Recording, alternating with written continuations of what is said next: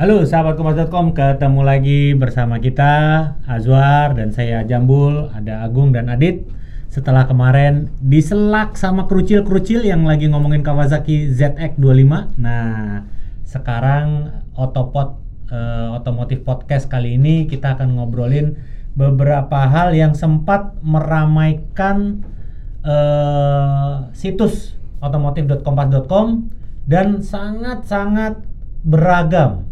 Terus terang kemarin kita juga banyak mengolah eh, beberapa isu-isu yang cukup lama bertengger di populer eh, minggu lalu sampai awal minggu ini adalah tentang razia operasi patuh 2020.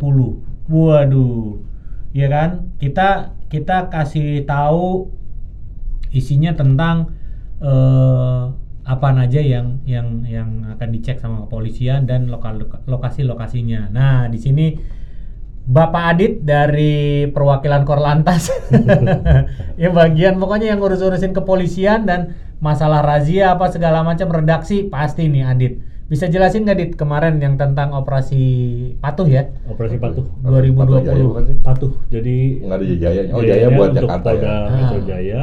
Jadi masing-masing Polda ada beda-beda. Beda-beda. Jadi kayak Jawa Tengah operasi patuh candi. apa, Oh, Jawa itu konsentrasinya di apa tuh? Eh, dia lebih kalau yang untuk sekarang karena Ah. dia si operasi patuh itu ada di tengah-tengah pandemi Ya. COVID-19 ini jadi eh, seka- sekarang lebih apa namanya mengutamakan ke eh, tindakan preven- preventif Oh. preventif dan edukasi jadinya. Jadi jadi untuk eh, porsi tilangnya sendiri Hah? itu dikurangin. Harusnya Jadi nggak banyak nggak begitu banyak tilang ya? nggak begitu banyak tilang. Jadi kalau dibagi dibagi itu eh, edukasi dan preventif itu sekitar 40% 40% dan 20 persennya itu penindakan. Penindakan. Penindakan. dan ada beberapa poin yang Hmm. difokuskan oleh polisi Hmm. eh, terutama untuk yang di wilayah eh, Polda Metro Jaya itu. Jadi mereka akhirnya eh, eh, apa namanya? mengga- menggalakkan lagi eh, tilang bukan tilang sih maksudnya eh, apa ya dibilangnya Eh, Tilang elektrik? bukan elektrik jadi selama PSBB kemarin itu Hmm. banyak banyak ternyata banyak kendaraan yang emang melanggar tapi kayak kayak Oh, peringatan, surat peringat- peringatan. peringat- peringatan peringatan kayak gitu jadi ya sifatnya teguran lah Teguran. untuk di selama edukasi Tapi ya, kalau yang berat-berat kayak misalnya nggak pakai helm lah atau ngelanggar pada saat itu kebetulan dia takut terus tiba-tiba melanggar itu tetap ditindak yang berat.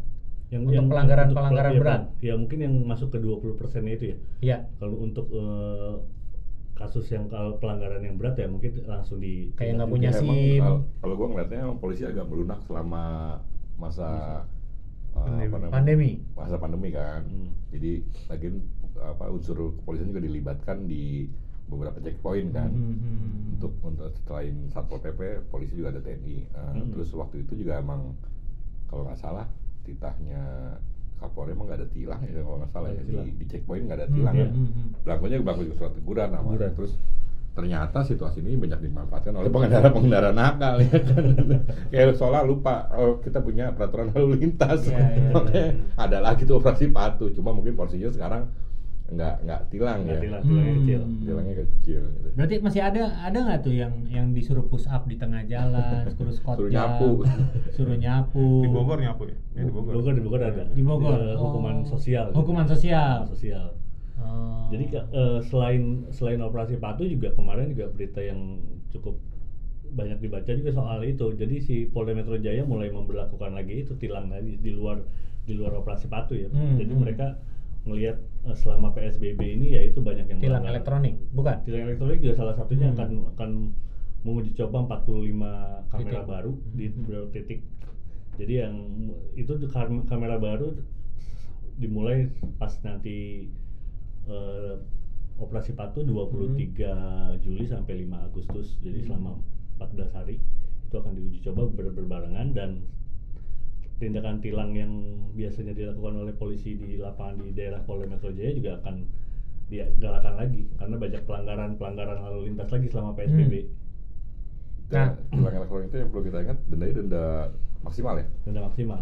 Iya, yang denda langsung apa eh, warna apa tuh namanya?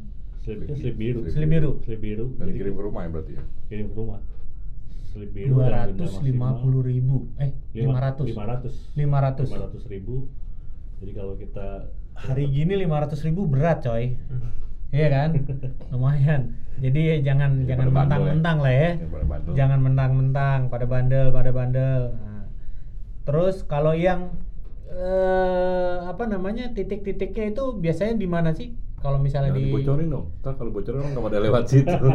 udah ada itu Udah ada. tulisannya Udah ada tulisannya. lokasi-lokasinya ya Ada kan pokoknya di setiap Jakarta Selatan, Timur, Barat, Hmm. Utara itu berarti masing lumayan juga banyak tuh titik-titik si itu kayaknya di capture semua itu sama sahabatkomas.com lagi ini waduh nggak- lewat sini yang nih nggak yang nggak ditulis itu soal jamnya jamnya berapa jam berapa gitu Hmm. Oh. jam berapa itu kan nggak di Iya, disebutin iya, juga iya. sama polisi Iya, iya, Itu Kita biasa- kasih clue aja pak. Biasanya pagi ya sore biasanya pagi ya sore Berangkat siang-siang. Iya. Benar.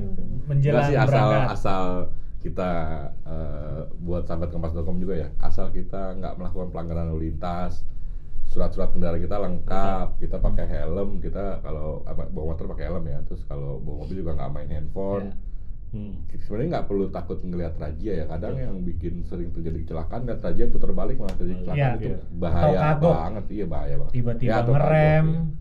tiba-tiba kayak pengen eh, nyempil atau apa itu yang lebih bahaya selama kita merasa kita eh, apa nggak melanggar surat-surat kita lengkap sim kita punya sedang Iya. kita bawa Hmm. nggak usah takut dengan adanya razia gitu. Itu nah sih. itu selain yang razia tadi ada juga eh, yang cukup eh, kenceng dan itu bertengger terus di atas yaitu tentang kebijakan ganjil genap Hmm. Nah, ternyata ya ternyata yang PSBB transisi ini diperpanjang kan sama Diperpanjang. gubernur.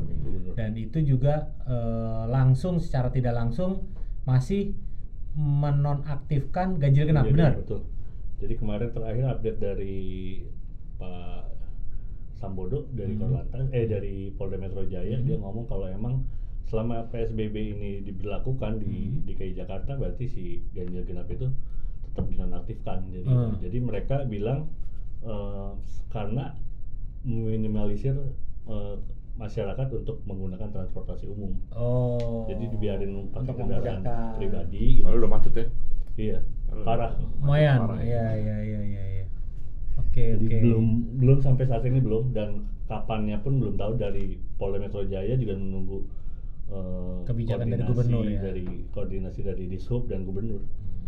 Berarti ada DKI. tiga, Pemprov. tiga Pemprov DKI sama Dishub juga Dishub. dan kepolisian, ya. Kepolisian. Oke, nah yang lain dari masalah lalu lintas yang cukup juga membuat traffic otomotif kompas.com itu tinggi eh, minggu lalu dan di awal minggu-minggu ini adalah tentang ini nih mobil buatan anak negeri. Eh, Nice. Jangan diklaim buatan anak negeri dong. Iya pokoknya pindah. BUMN, BUMN. BUMN. iya, BUMN. Nggak boleh ya? Nggak boleh? Nggak boleh. Nggak boleh? Hah? Mesinnya mesin Toyota. Oh, mesin Toyota. Padahal gue udah bangga tuh. Wah, Pindad produk A Pindah, dalam negeri. Iya. Tanya gue pindah jadi karoseri ya. Nah, itu itu Lambangnya hilang loh itu, Eh, lambang Toyotanya hilang loh. Iya, tapi kalau dilihat dari depannya sih memang ke sana kagak ke sini kagak. Apalagi dari samping tuh. Nah, itu apa namanya mobil dari Pindad yaitu namanya mobil apa Rantis ya. Hmm. Kendaraan taktis, Taktis. namanya Maung. Nah, itu gimana tuh boy? Mau bahasa Sunda ya, gue? Bawang bahasa Sunda artinya ya itu kayak Macan. macan, macan, macan. macan, harimau gitu pokoknya. Maung, Maung atau Maung? Mau. Mau. Maung. Iya kalau gue lihat si Maung ini nggak sengaja sih. Jadi ada salah satu temen di Instagram itu Hmm. pernah posting ini sebenarnya gambar-gambar ini eh, dari akhir 2019 yang lalu gitu. Nah, gue sih nggak ngeh waktu itu dia ngetes apalah segala macam gitu. Mobil apaan gitu tiba-tiba kemarin pas belum lama ini kan Prabowo tiba-tiba ngetes terus heboh gitu. Hmm.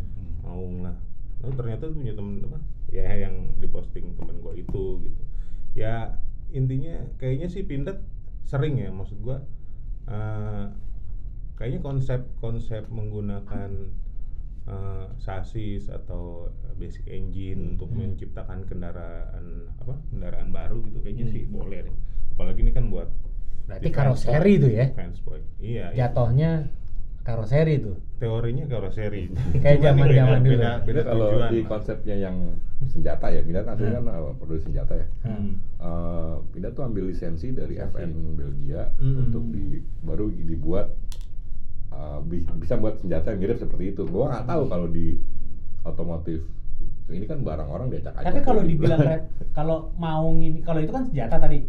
Kalau maung ini dibilang replika, nggak juga mirip apaan coba? enggak enggak enggak enggak enggak. Nggak ada miripnya kan? Enggak ada. Kalau dari dimensinya sih mirip H2. iya iya Depan-depannya ya nggak ya? Ford Lebar-lebarnya. Bronco boy yang baru Ford. Bronco, iya. Keren. Iya, iya. kayak kayak mau sebenarnya kayak kayak lah Kaya. Bronco kayak mau atau mau kayak Bronco? Iya. Kayaknya Ford Bronco yang Niro mahal. Ah, itu benar. itu benar. Ya, tapi ini mobil keren, maksud gua canggih lah. Eh, ya bisa memanfaatkan sumber daya yang ada daripada ribet-ribet kan lu daripada lu ribet bikin Iya. sasis sendiri aja Iya. berapa duit daripada bikin mesin sendiri mendingan ambil yang ada aja ya kan dan mungkin dia milih Toyota karena spare partnya paling gampang ya nggak Hmm. lu nyari di mana-mana pasti ada dan mungkin durability-nya 4x4 ya mungkin spek-speknya cocok lah buat buat Durability boy, itu sudah Iya, terbukti iya. dipakai sama si para pemberontak di Timur Tengah kan? Eh Hah? bukan pemberontak apa tuh yang perang-perang itu di Timur Tengah kan? Eh, Itu si- nggak mampus-mampus itu. si itu juga pernah kan Top Gear ya? Oh iya, Top Gear. Dijatuhin, dicemplungin, kan. apa segala macam masih hidup. Benar, benar, benar. benar. Ya mungkin itu buat background aja kali. Tapi nggak apa-apa ya, BUMN penunjukan langsung gitu.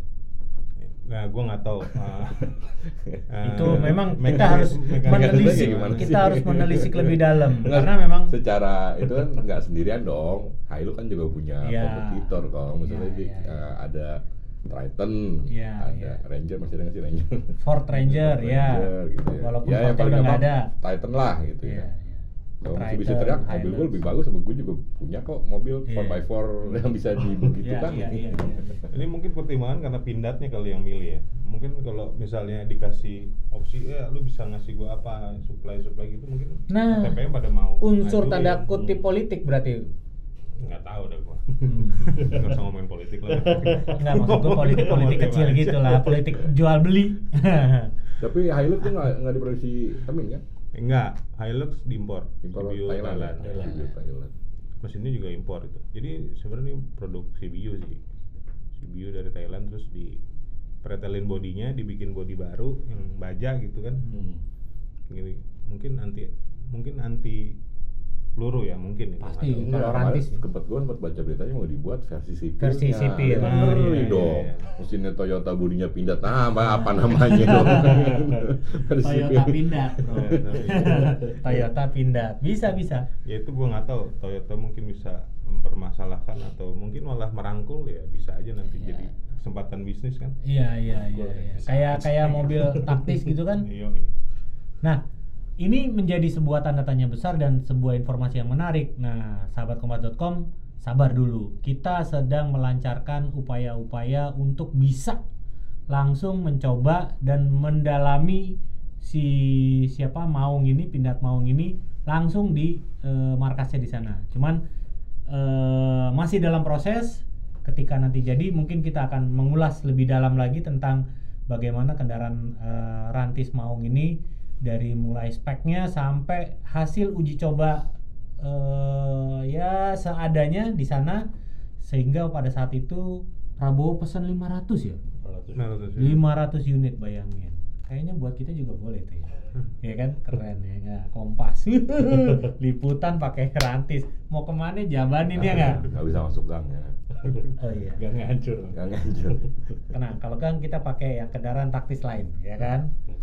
Oke nah itu tadi Maung dan ada juga nyempil nih satu sih sebelum kita yang akhir yang paling besar juga ini tentang tadi masih bersangkutan kalau tadi kan Hilux ini enggak saudaranya Fortuner dengan eh, apa namanya launching Pajero Pajero. Sport Oh, musuh bebuyutan tuh. musuh bebuyutan Pajero Sport sama Fortuner Hmm. baru launching di Bangkok Bangkok Motor Show ya Motor Show. motor show dan ternyata keingintahuan eh, sahabat kompas.com yang doyan SUV diesel ini sangat-sangat besar sampai sampai dengan hari Selasa tanggal 21 itu masih teratas. Jadi mulai dari weekend, Hmm. kalau nggak salah weekend itu eh, ulasannya, terus populernya di Senin sampai Selasa itu masih kenceng banget, yaitu keingintahuan orang tentang Pajero Sport dan Fortuner. Ya katanya Pajero Sport yang ini eh, apa namanya Elite Edition. elit ya untuk me- me- menandingi Legender. kepiawaan legender. Legender. Legender. Iya. Elit legender. Update baru itu katanya Fortuner. Katanya ya. Hmm. Oktober boy, Oktober November baru launching. Oh bareng sama Innova ya? Eh pasti bareng. Kayak yang tahun lalu ya. Kayak tahun lalu bareng itu. Di Oktober kayaknya ya? susah. Mungkinan. Mungkin. Mungkinan. Mungkin Jadi, kalau. Gias jadi. Kalau Gias jadi. Denger-denger sih gitu. Ini juga menarik nih yang apa Bangkok Motor Show kan kita tunggu-tunggu nih pameran pertama Iya. yang Di- yang di skala internasional Hmm. di tengah pandemi ini yaitu kalau gue lihat sih yang paling menarik ya SPG-nya pakai face mask semua. V-neck gini. Iya. Pakai face mask. Iya. Ya, Jadi, da- daripada pakai daripada pakai masker Nggak kelihatan ya Iya. nggak mukanya dengan pakai dengan pakai itu ya Face shield ya. Lucu sih itu. Ya ya ya. Ini si Elite Edition ini gua nggak tahu kenapa tiba-tiba launching di Beams mungkin karena panas juga gitu ya. Mitsubishi dengan adanya Legender di Thailand karena dua-duanya ini memang base production di sana gitu ya Thailand dan kemungkinan kedua-duanya juga bakal masuk di sini cuman gua nggak tahu kalau yang Mitsubishi konsepnya nanti gimana gitu di Indonesia nya apakah akan modelnya cuman model-model edition editionan gitu kayak Hmm. Rockford edition Iya, kayak iya. apalah gitu atau ya, ya. eh, facelift juga kayak yang dilakukan sama si apa Fortuner Special edition atau facelift Mm-mm. edition. sebenarnya menarik di Thailand itu si Fortu si apa Pajero Elite Edition ini bandrolnya itu setara 755 juta sementara si Legender kan tembus 800 kan 800. 800 sampai 900. makin pada makin pada mahal tuh mobilnya gue gak kebayang sih maksud gue kalau di sini dijual berapa tuh barang nih Tapi kalau 700 kalau 700 berarti masih masih kompetitif dong dengan dengan dengan penawaran si legender yang nyaris satu miliar. 800 sih Legender 800 800, something iya. Iya 800. Ini dari startnya 700. Dia lebih murah 100 juta lah start. 755 ya Hmm, menarik. Mungkin itu kali. Desainnya pengen tahu ber- seberapa besar perubahan dibandingin dengan Fortuner, lagi pula dengan lihat harganya. Yang satu ini bedanya lebih murah 100 juta yang si Pajero Sport walaupun terlahir belakangan gitu kan. Menarik, menarik, menarik.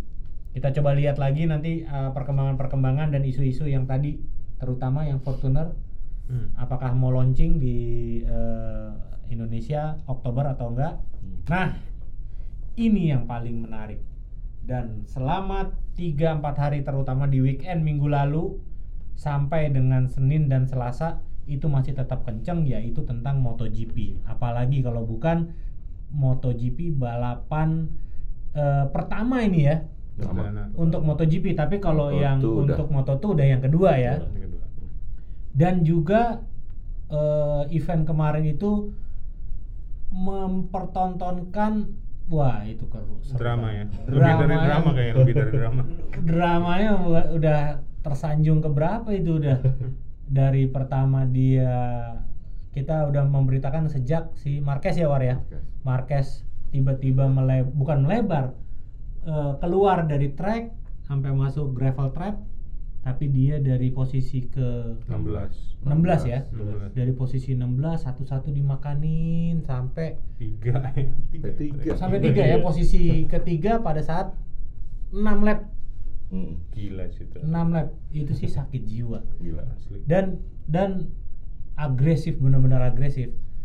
Ya itulah Marquez. Maksudnya eh, selain dia dimodalin motor yang buat gue paling top di Ya, deretan ya. motor MotoGP ya Hmm. ya. skillnya gitu, gitu skillnya dia push the limit plus sampai- satu lagi. Kayaknya gue buat gue juga Marquez sampai Marquez sendiri nggak tahu limitnya dia di mana. Limitnya dia jatuh. Iya. Ketika dia jatuh ini batasan gue nih gitu. Oh. yang sayangnya dia lupa itu race. Bukan bukan free ya. practice Iya, bukan kualifikasi. kualifikasi Iya, iya. cuma ya kita patut angkat topi buat Marquez yaitu eh, dia bisa ke gravel orang beranggapan Iya. pasti finish di papan tengah nih Ya, Apa- ya, apa? nggak nyampe ya lima lah paling paling top lima ya. Mm. Dan itu tiga pun lagi mau ngejar kedua Vinales ya ya. sebenarnya di tiga aja atau di posisi aman tiga gitu dia masih podium ya orang Iya. masih applause oh, big applause Iya. malah ya big applause meskipun Eh, meskipun tapi yang Rossi pernah dari belakang juara. unquote dikasih dengan pembalap lain Lancar ya, Pak. di Iya. Valencia 2015 Iya, kan iya, habis iya, iya. nyenggol Iya. eh, Marquez Si- Iya, iya, iya. jatuh waktu itu Lorenzo kan yang juara kan musim itu 2000 berapa sih 2015 kalau nggak salah ya 2015, 2015. Nah, iya. Valencia dia harus start dari belakang disalipin semua tapi kan nggak bisa ngejar Pedrosa Iya. Marquez dan Lorenzo kan situ. Nah, itu juga eh, kemarin diuntungkan juga di antara pembalap 5 eh, di front row itu di 1 2 3 4 5 5 itu yang pakai ban depannya hard Hard. itu cuman si siapa namanya? Si Marquez doang tuh. Jadi dia bisa eh, kayak late braking lebih lebih diuntungkan. Cuman terakhir-terakhir ya pasti udah boncel Iya, itu. iya, iya. Udah boncel aja. udah dipaksa habis-habisan Iya, yang lainnya soft, soft, soft, soft, cuman dia doang pakai hard. Gua pikir oke di awal dia akan akan apa namanya akan eh, mengulur pelan, pelan, pelan. Giran yang lain udah mulai habis, dia mau embatin satu-satu. Ternyata fight dari awal. Dia benar-benar eh, mau ngejar eh, Maverick Vinales. Ternyata ya gitu berujung dia masuk gravel dan juga eh, apa namanya akhirnya dia harus menyerah dan patah ya. Patah. patah di tulang kanan tangan kanan ya. Tangan kanan. Tangan kanan. Entar entar tak patah ya masih masih Hmm, fracture gitu Karena Hmm. emang mencelat Jatuh, banget iya, jatuhnya. jatuh parah sih itu nggak maksud gue ini kan balapannya di kondisi nggak normal ya Hmm. seminggu dua minggu udah udah besok ada lagi Besok kan ada lagi, minggu iya. depan Ada lagi. maksud gue ya gue bingungnya sama Marquez ini eh, ya gue nggak tahu ya namanya pembalap di posisi lu lagi di atas motor pasti kan fokus lu garis finish gitu adrenalin entah apa tapi kan dia udah pengalaman dua kali juara dunia Hmm. gitu maksud gue Hmm. lu bisa dong harusnya atur emosi lu gitu ngerti gak boy Ah, Susah boy. kalau lu besok gak balapan gimana benar kejadian anjir 13 gua. seri lagi ya Iya, 13 seri dia se- Sepet. apa poin per seri itu sangat penting emang Iya. PR buat. PR banget buat Honda di mana eh, rekan Marquez sekarang kan Paul, Paul Espargaro ya kalau Hmm. apa di balapan kemarin juga nggak podium, podium. terus harapannya di a- bertumbuh pada di Marquez di Mark Marquez ya Hmm. Alex Marquez masih jauh lah meskipun dia juara Moto2 tahun lalu tahun tahun lalu kan juga kalau dia langsung dikasih beban sedemikian besar Hmm. ya agak-agak PR juga ya yang agak yang cukup menarik juga kemenangan Quartararo eh, Fabio Quartararo gue sih nggak terlalu kaget dengan kemampuan Quartararo dia mau pembalap jago, Jago. rookie of the year tahun lalu Hmm. cuma kalau tahun lalu nggak sempet juara cuma podium apa Ya, eh, kedua, ketiga, kedua, ketiga.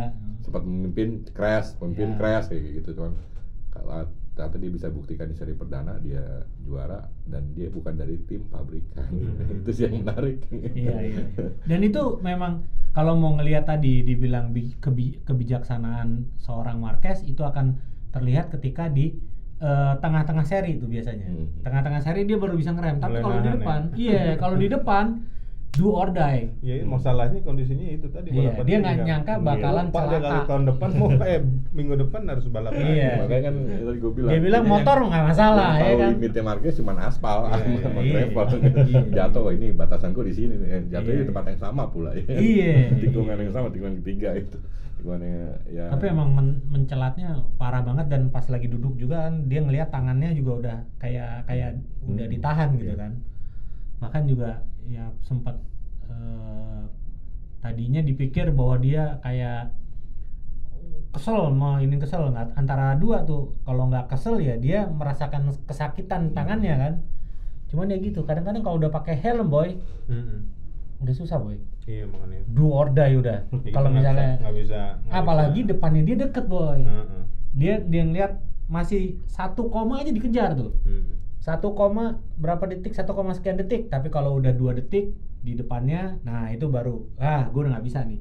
Sisa 7 lap ya paling 0,0 koma gitu. Tapi kalau misalnya udah kayak itu cuma 0, udah. Dia paling feeling gua sih ngejar kedua. Untuk ke Quartararo-nya agak susah memang dikit lagi bahkan kemarin wah dapat nih kedua nih dapat nih kedua baru bilang dapat kedua kedua glosor breset Finalnya sih gimana finalis sebenarnya? Jelas, Iya. kemarin runner up kan. Iya. ya runner up Agak hoki apa gimana kalau nggak kemarin Karena dia kan lebar dia- kan? Dia, kan eh, kalau nggak salah dia pakai soft tire kan Hmm. sama Iya. Rossi ya. iya Hmm. Pakai soft tire eh, spekulasi Rossinya out sementara dia bisa survive tadinya kan diajar di di Iya. ajar habis-habisan tuh Marquez kan Iya. habisin bahkan sempat di apa disusul sama si siapa Jack Miller. Australia George Jack Miller Jack terus Miller. balik lagi gitu Quartaro juga nah, terus Marquez eh, jatuh akhirnya dapat benefit jadi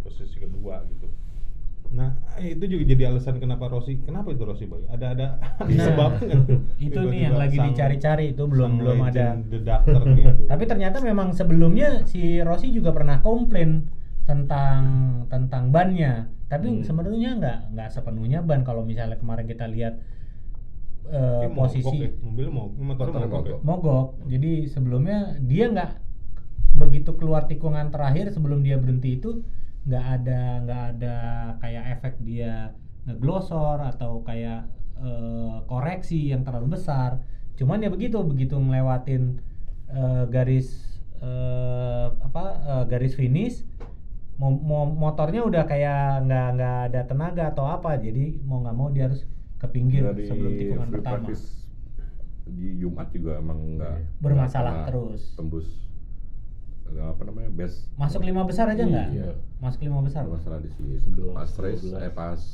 pole position dia di posisi 11 ya 11. tapi berapa pokoknya belasan lah. 11. Iya.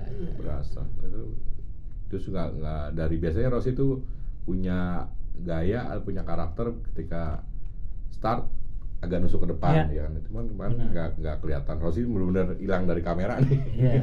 bener-bener nggak sering disorot Iya, bener iya. contoh mogok ya waduh mogok boy Iya, iya. Dovi gimana Dovi? Dovi malah bagus malah dapat nomor tiga Iya. Ah, Jack Oh, tiga ya jadi? tiga Dovi ketiga. Jack Miller tadi kan nomor tiga apa posisi tiga terus bisa di ujung-ujung balapan emang Dovi kan tipikalnya sabar ya eh, Hmm. konsisten sabar gitu bisa dapat podium tiga itu kan Hmm. berarti kan emang ada Ducati dan juga Yamaha yang yang dulang poin kemarin ya iya.